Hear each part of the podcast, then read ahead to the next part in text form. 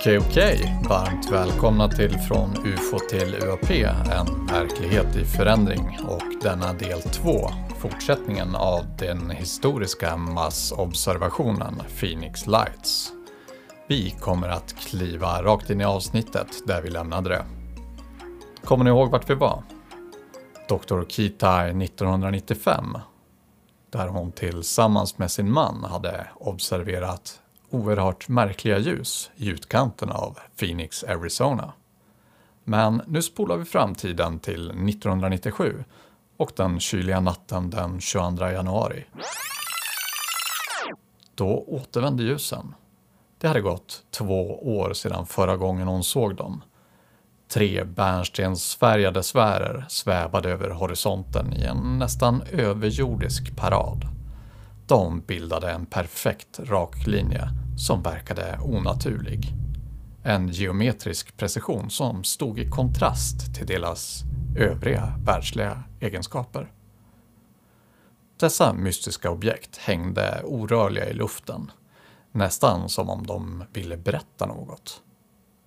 I cirka fyra minuter dominerade det nattens himmel innan de tyst försvann, som skuggor som smyger bort i mörkret. När solen hade gått ner den följande kvällen återvände de. Först var de tre bärnstensfärgade sfärerna trogna i sin omsorgsfullt arrangerade formation. Men sedan, som om de ville spela med sina åskådare, blommade det sex gula ljus upp i natten. Ett hypnotiskt skådespel fångade Dr. Kitais uppmärksamhet. Det här var tredje gången som de hade visat sig. Och nu var hon besatt. Mysteriet svepte in henne, som den förundliga tystnaden som följde deras närvaro. Vad var de för någonting? Och vad ville de säga? Hon började söka svar och kontaktade den lokala tidningen. Den i närheten lokaliserade Luke Air Force Base samt Federal Aviation Administration Timmar av ivriga samtal som bara ledde till frustration. Men skam den som ger sig. Efter oräkneliga samtal till myndigheter och media lyckades hon hitta någon som lyssnade. En flygtraffic controller vid Sky Harbor International Airport hade upplevt samma skådespel som hon. Han hade sett sex orangea ljus som hade dykt upp ur intet, precis samma kväll som Kitar. Radarbildsskärmarna hade dock inte visat någonting. Men genom sin kikare såg han dem väldigt tydligt. Sex bärnstensfärgade bollar, svävande orörliga över Phoenix skyline. Det här var det ögonblick då tvivlet övergick i säkerhet. Kitai och hennes man Frank var inte ensamma. Det fanns andra som hade bevittnat det oförklarliga, som hade känt sig lika förvirrade som dem. Det var en viktig validering, men det återstod fortfarande så många obesvarade frågor. Vad var dessa bärnstensfärgade sfärer? Och vad ville de säga? Det som också förbryllade Kitai mer var den psykiska kopplingen koppling som hon kände till de här mystiska sfärerna det verkade vara mer än bara flyktiga sken på himlen. Det var något budskap kopplat till det hela. Det var som om dessa sfärer hade valt henne och att hon skulle ägna sitt liv åt att förstå dem. Hon beslutade sig för att ta en paus från sin karriär och istället ägna sig åt att dokumentera dessa ljus så noggrant som möjligt. Hon blev en hängiven observatör, beväpnad med kamera och videokamera. Besöken återkom natt efter natt och Kitai dokumenterade. Hon skapade över tid en skattkista av inspelningar och bilder. Ju mer hon lärde sig om dessa sfärer, desto mer insåg hon att det inte längre räckte att bara dokumentera dem. Hon känner en brinnande lust att få verkliga svar att kasta ljus över det dunkla mysteriet som hade kastat sin skugga över Phoenix i så många år. Så i början av mars bestämde hon sig för att söka hjälp. Hon kontaktade en utredare på Mutual UFO Network, eller MUFON. Organisationen var känd för sitt arbete med att studera UFO-observationer och hade erfarenheten som behövdes för att hantera sådana mysterier. Ett möte planerades den 14 mars där Dr. Kitai skulle redogöra för sin bredd av observationer. Vad de inte visste då var att när mötesdagen kom skulle hon inte direkt vara ensam om att ha bevittnat märkligheterna över himlen i Phoenix.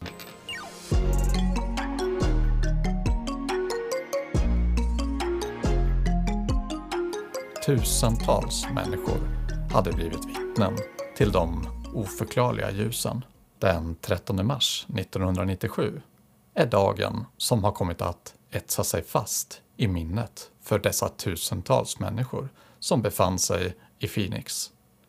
Den första rapporten kommer från en ung man söder om Las Vegas. Han rapporterade om ett V-format objekt som flög tyst över himlen i riktning mot Phoenix. Sex mystiska ljus som lyste upp natten. En timme senare, i nordvästra Phoenix, observerade två före detta flygvapenofficerare samma V-formade ljusformation som rörde sig över himlen. Det som var på väg att utspela sig är en av de hittills absolut mest kända massobservationerna av ufos någonsin. Natten skulle komma att fyllas av gåtfulla observationer. Hemma på gården lekte Tim Lee tillsammans med sin tioåriga son. Det var i slutet av veckan, bara en dag kvar till helgen, som de såg fram emot. Helt plötsligt stannade leken upp. Pojken pekade upp mot natthimlen och en undlig V-formation som sakta svepte sig närmare. Objektet var enormt, flera kvarter brett och dess ljus verkade ständigt expandera. När det passerade rakt ovanför dem såg de föremålet tydligare. På något märkligt sätt tycktes det vara glasaktigt. Denna förundliga konstruktion var omkring 30 meter ovanför dem och helt genomskinlig. Genom dess konturer kunde Tim fortfarande skåda stjärnorna ovanför. Men de var förvrängda och skimrande. Ungefär som att han tittade längs med en asfalterad väg en varm sommardag. Tims farbror kom ut från huset och ställde sig bredvid Tim och hans son. Tillsammans betraktade de det fantastiska fenomenet. Det rörde sig i konstant hastighet bort och lämnade ett mjukt ljussken efter sig. Vittnesmålen fortsatte att strömma in. Samtliga helt oförklarliga. Stacy Rhodes, som körde längs motorvägen I-10, blev nästa vittne. Ett massivt triangulärt objekt som spände över hela vägen. Hon hamnade körandes under objektet som tycktes omsluta henne. Med hjärtat bultande ökade hon farten för att på något vis undkomma. Med en hastighet av ungefär 130 km i timmen körde Stacy längs med bredden på objektet. Det tog nästan två minuter att korsa det, vilket omräknat i avstånd betyder att föremålet var mellan 3,2 och 4 kilometer brett. Ett flygande föremål av en sådan enorm storlek har naturligtvis aldrig ens kommit nära att byggas av någon känd regering eller organisation på jorden. Under flera timmar fortsatte tusentals observationer över hela Phoenix-området. Myndigheterna kunde inte ignorera de otaliga rapporterna. Telefonlinjerna till poliser och myndigheter blev överbelastade. Vittnen såg hur stridsflygplan från Luke Air Force Base skickades ut för att undersöka de mystiska föremålen. Hur, när stridsflygplanen närmade sig, föremålen tycktes kollapsa och förvandlas till ljusklot. Kitai anlände denna kväll till en av sina observationsplatser för att eventuellt dokumentera kvällens händelser. Då ovetandes om de många tidigare observationerna som skett runt om i Phoenix under kvällen. För Kitai var det här bara ännu en i raden av framgångsrika men på något sätt rutinmässiga kvällar av ufo-observationer. Efter att i vanlig ordning fotograferat nattens aktivitet åkte Kitai hem och la sig.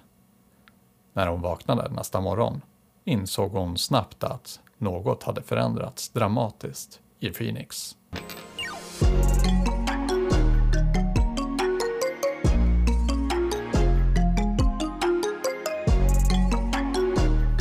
Tidningar och TV gick heta med nyheten. Plötsligt pratade hela staden och människor var besatta av ljusfenomenet på himlen. Kitai var chockad. Hon sökte upp ufologen Richard Munzer som på morgonen svarade på nyhetsreportrarnas ivriga samtal. Men det var Kitai som hade vad de letade efter. Videoinspelningar från den föregående natten. Hon överlämnade materialet till Munzer och gav honom tillstånd att visa det för medierna. Senare på dagen fick hon ett meddelande från flygledaren hon hade pratat med i januari. Han hade sett ljusen igen och, precis som tidigare, var de osynliga för radar. Alla i Phoenix tycktes ha sett ljusen och när hon slog på tvn visade de lokala nyhetsstationerna hennes videoinspelning av sfärerna om och om igen. Majoriteten av nyhetsrapporteringen koncentrerade sig på ljusfenomenet som inträffade vid 22.00 och hela spektaklet fick namnet Phoenix Lights. I och med att Kitais arbete kom ut i ljuset började hennes expertis kring ljusfenomenen efterfrågas i större skala.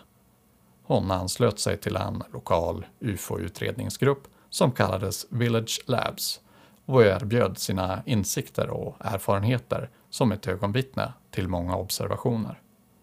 Hennes förmåga att vara empatisk och icke-dömande blev värdefulla egenskaper när hon under föreningens färger genomförde intervjuer med olika vittnen och skapade tillit på ett helt annat vis än om hon inte hade haft dessa egenskaper och erfarenheter i ryggen. Hon skapade ett material av omfattande anteckningar och sammanställde rapporter som sedan hanterades av Village Labs. Men trots alla ansträngningar hade allmänheten fortfarande få svar om vad som egentligen hände under Phoenix Lights-händelsen. Pressen stod handfallen inför händelsen och myndigheterna, som borde kunna ge mer svar, förblev tysta. När de slutligen presenterade en förklaring var den så orimlig att många började misstänka att regeringen försökte dölja vad de faktiskt kände till. Eftersom myndigheterna verkade vilja sopa allt under mattan blev det istället privata utredare som tog vid. Richard Motzer, en hängiven UFO-utredare vid Mutual UFO Network, MUFON, började systematiskt kartlägga varje observation och intervjuade mer än 70 vittnen. När han granskade bevisen noggrant började han tveka om sin ursprungliga hypotes att sfärerna var av utomjordiskt ursprung. I juli publicerade han en rapport som motsade Kitais tes. Han hävdade istället att Phoenix Lights faktiskt var avlägsna militära ljusraketer. Denna slutsats splittrade ufo-samfundet och de många vittnena i Phoenix var extremt skeptiska. Detta linjerade inte alls med de många observationer som hade gjorts, exempelvis av det stora skeppet. Myndigheterna i staden var under hela den här perioden märkligt frånvarande. Till sist var det rådsmedlem Frances Barwood som bröt tystnaden. Den 10 maj rapporterade Arizona Republic att Barwood hade initierat en officiell utredning av händelsen. Hon lovade sina väljare att hon skulle försöka komma till botten med vad det var som egentligen hade hänt. Barwood gav sina medarbetare i uppdrag att samla så mycket underlag som möjligt och hon uttryckte officiellt att hennes tes var att just fenomenet var kopplat till någon form av flygvapenexperiment. Men hon stängde inte möjligheterna att detta kunde vara något mer ovanligt, inklusive onormal eller utomjordisk aktivitet. Barwoods försiktiga ställningstagande väckte hopp bland ufologer som äntligen såg en förespråkare från de lokala myndigheterna. Tyvärr blev hennes uttalande snabbt ett mål för löje och satir från lokala tidningar. Trots att de hade bidragit till att öka intresset för ufo-fenomenet vände sig de nu emot henne och kritiserade hennes öppenhet. För Frances Barwood blev situationen ännu mer komplicerad när hon insåg att hennes faktiska auktoritet i frågan var praktiskt taget obefintlig. Två veckor efter Barwood satte igång sina resurser för att undersöka händelsen kom en kollaps i undersökningen. Hennes personal hävdade att de saknade både resurser och expertis för att undersöka något relaterat till ufos. Vad som gjorde situationen än mer udda var att befälhavarna på Luke Air Force Base, som troligen hade kunskapen att ge svar, helt enkelt avfärdade ärendet och Barwoods personal hade ingen rätt att utkräva något från dem. En talesperson för basen berättade för nyhetsreportrar att ufo-utredningar var utanför deras jurisdiktion. Vilket inte var sant. Vad vi numera vet är att flygvapnet hade en lång historia av att granska ufo-händelser genom exempelvis programmet Project Blue Book. Men officiellt verkade de ovilliga att involvera sig. Detta kastade en mörk skugga över utredningen och lämnade allmänheten i Phoenix med obesvarade frågor. Frances Barwoods utredning lyckades dock gott med att skapa betydande uppmärksamhet från riksmedia. Den 18 juni publicerade USA Today det första nationella reportaget om Phoenix Lights. Artikeln drog slutsatsen att denna händelsen mycket väl kunde vara den mest betydelsefulla sedan Roswell. Mysteriet i Phoenix hade blivit en nationell sensation och nu började det bli stor politik i frågan. Senatorn John McCain från Arizona uttryckte sin chock över att ingen officiell utredning hade genomförts. Hans väljare förtjänade att få en förklaring. Pressen ökade och frågorna riktades åter mot militären. Hade de information om militära aktiviteter i luften ovanför Phoenix den 13 mars? Inledningsvis nekade de. Eller svarade inte alls. Men den 25 juli yttrade sig National Guard och informerade att de skulle gräva i händelserna kring Phoenix.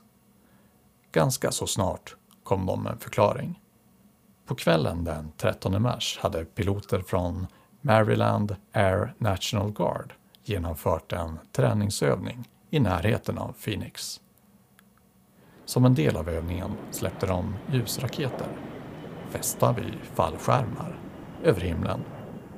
Det var alltså detta, påstod man, som invånare som råkade titta i den riktningen ska ha observerat. Samma förklaring som utredaren vid MUFON alltså kommit med tidigare. Militärens förklaring nöjde många som gärna lade ufo-historien till handlingarna och återgick till sina vanliga liv. Men för Kitai var det här inte tillräckligt. Hon hade skådat dessa mystiska ljus många gånger tidigare och köpte verkligen inte den här förklaringen. Om hon ville ha svar var hon tvungen att gräva själv. Det var uppenbart. Hon sökte upp en informationsansvarig från Maryland National Guard och grävde vidare i var informationen hade kommit ifrån.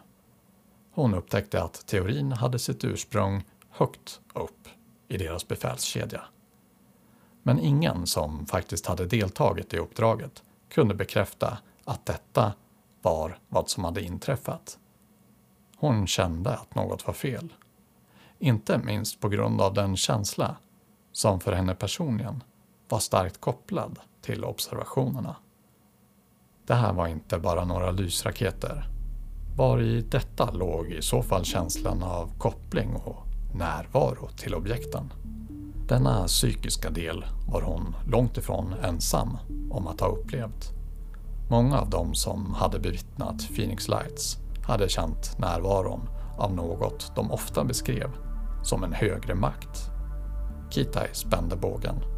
Hon inledde flera projekt, skrev en bok och inledde ett arbete på en dokumentär om händelsen. Arbetet fortskred över tiden framåt och den 12 januari 1998, knappt ett år senare, visade de sig igen. Två orörliga bärnstensfärgade sfärer svävade i dimman nedanför hennes balkong i den svala bergsbrisen. Phoenix Lights hade återvänt. En annan karaktär i den här historien är Mr Symington.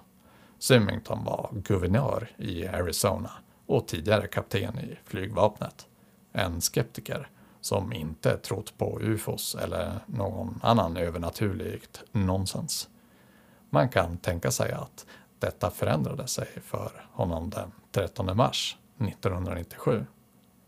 Klockan 20.30 fick han nämligen höra om de mystiska ljusen som skådades över Phoenix via radion. Hans första tanke var förmodligen att det här var ett skämt, men trots sina tvivel bestämde han sig för att kontrollera uppgiften med egna ögon. Han sa till sin fru att han skulle vara tillbaka om några minuter och tog bilen till en utsiktsplats på ett berg i närheten. Från berget visste han att man kunde få en bra vy över Phoenix. Det första Symington såg när han anlände till utsiktspunkten var att han inte direkt var ensam där. Det var redan fullt med människor som var där av samma anledning. Och det skulle inte ta lång tid innan deras önskan gick i uppfyllelse. Ett enormt bumerangformat föremål med ett skiftande skimmer svävade fram över staden. Det var ljudlöst och graciöst i sin rörelse och Symingtons hjärta måste ha rusat.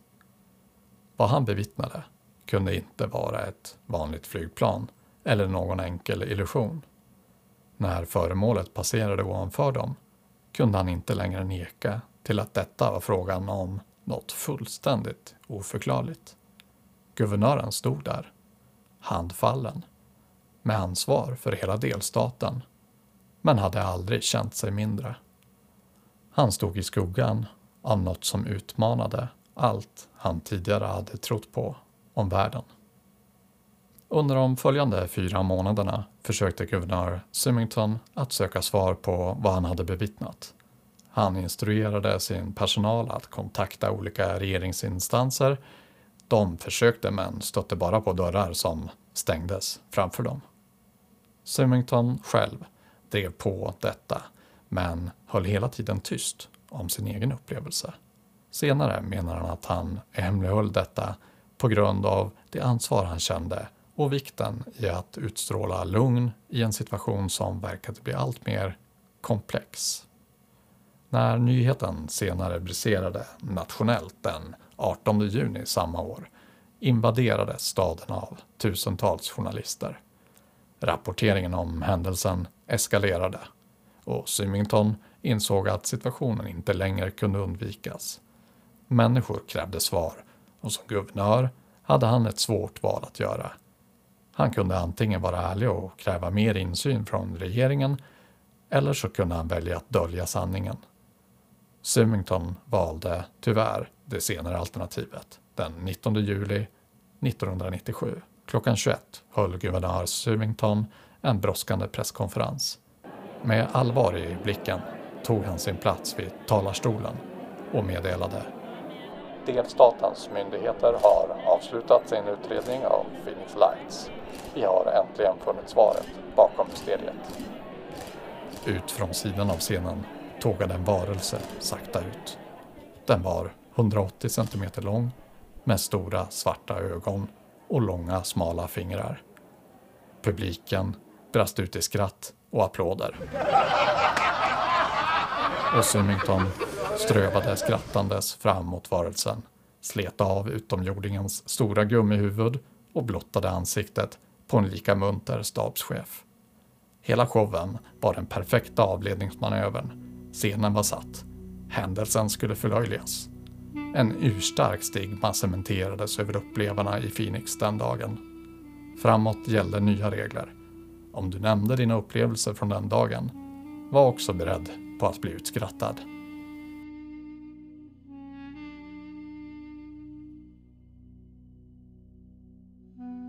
Timingen för Symingtons föreställning var också fenomenal eftersom det bara några dagar senare meddelades från National Guard om att mysteriet var löst. Förklaringen om lysraketerna kablades ut.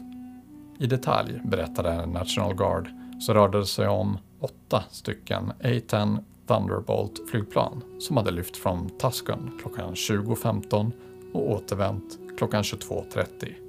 Piloterna flög i tät formation över ett område sydväst om Phoenix i en övning som involverade simulerad bombning.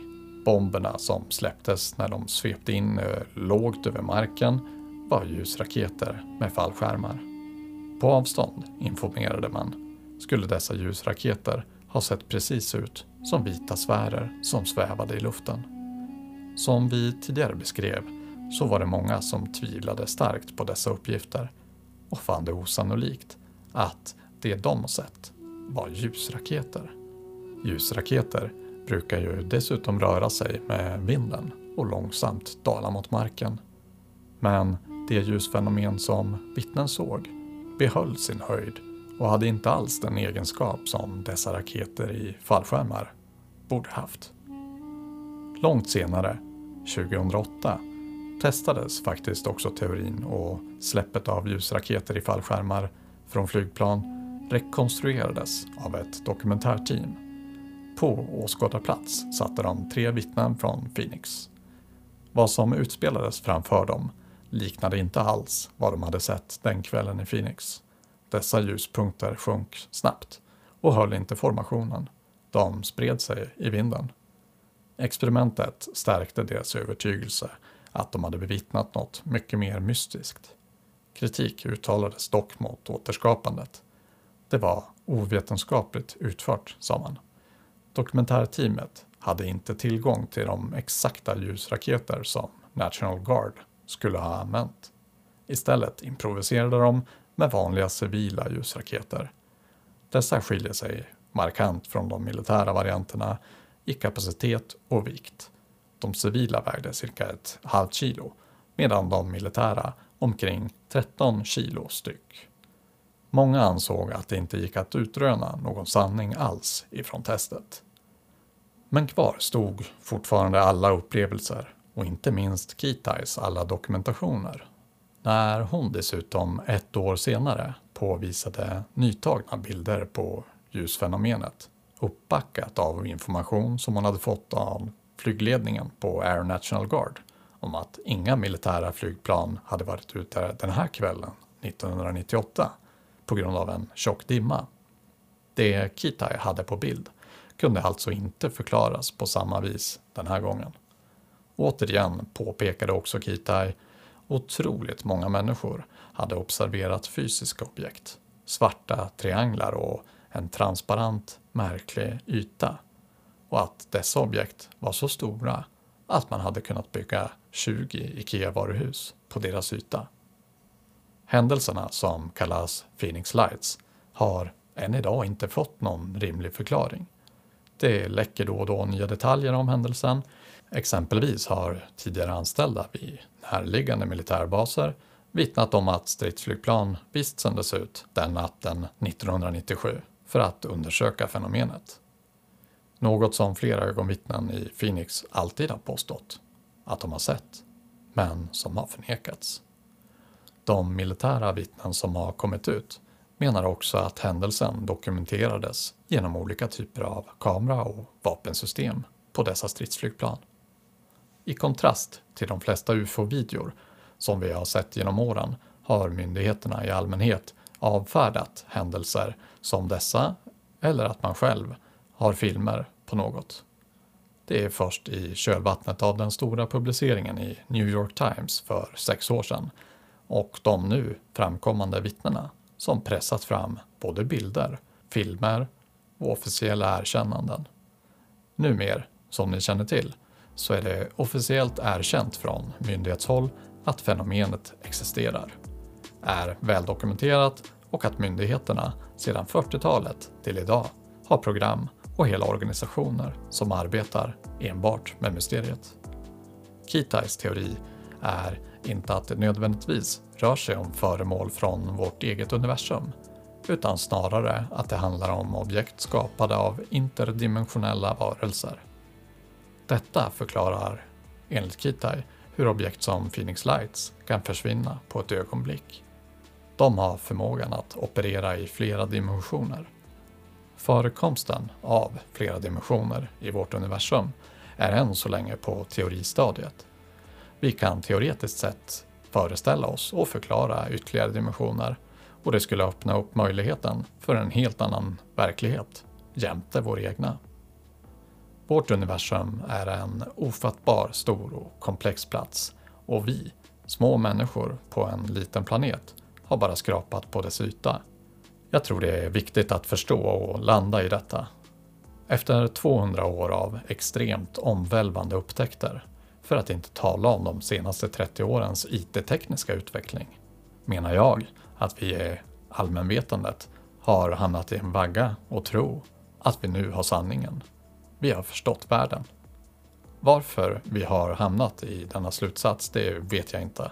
Jag är fullständigt övertygad om att världens forskare inte alls håller med. Sanningen är flyktig och relativ och ett ganska så falskt begrepp som inte riktigt avslöjar dess innebörd i vardagligt tal. Det betyder egentligen bara att det är den sammanfattade teorin om de observationer som vi hittills har gjort av universum.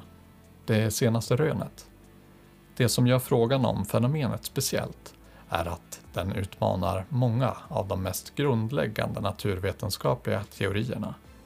Fenomenets existens skulle i många delar inte bara bygga på tidigare teorier utan totalt vända upp och ner på dess grundmurar. Jag tycker att det egentligen borde vara en viss tröst att inse att vi kanske aldrig kommer att förstå universums alla hemligheter. Att istället låta gåtorna trigga oss till att hela tiden anpassa oss och söka förståelse. Det finns stora risker med att vaggas in i en nöjdhet och lättja i vad vi har uppnått, tror jag. Att hela tiden vara på väg och inse att vi bara är passagerare i det stora kosmiska äventyret och insikten i att det kräver interaktion och nyfikenhet tror jag är en nyckel för vår vidare existens. Vi stannade upp med att ställa de stora frågorna någon gång under det förra decenniet. Vi trodde att vi gått i mål. Vägvalet vi gjorde byråkratiserades, cementerades och strukturerades till den punkt att världen blev ett självgående piano. Som det ser ut just nu i världen med oroligheter, polarisering och ekosystem ur balans misstänker jag att vi inte riktigt har valt en hållbar väg. Låt oss öppna upp våra sinnen igen och låta nyfikenheten flöda. För det mesta är faktiskt ännu oupptäckt. Som alltid, men måste sägas. För jag menar det verkligen. Tusen tack för att du har lyssnat på Från UFO till UAP Podcast. Från UFO till UAP är en del av UAP Sweden. Glöm inte att följa podden på sociala medier. För att hänga med på det senaste rekommenderar jag att följa podden på X, där jag retweetar mycket intressant som jag hittar i princip dagligen på ämnet och vägen mot disclosure.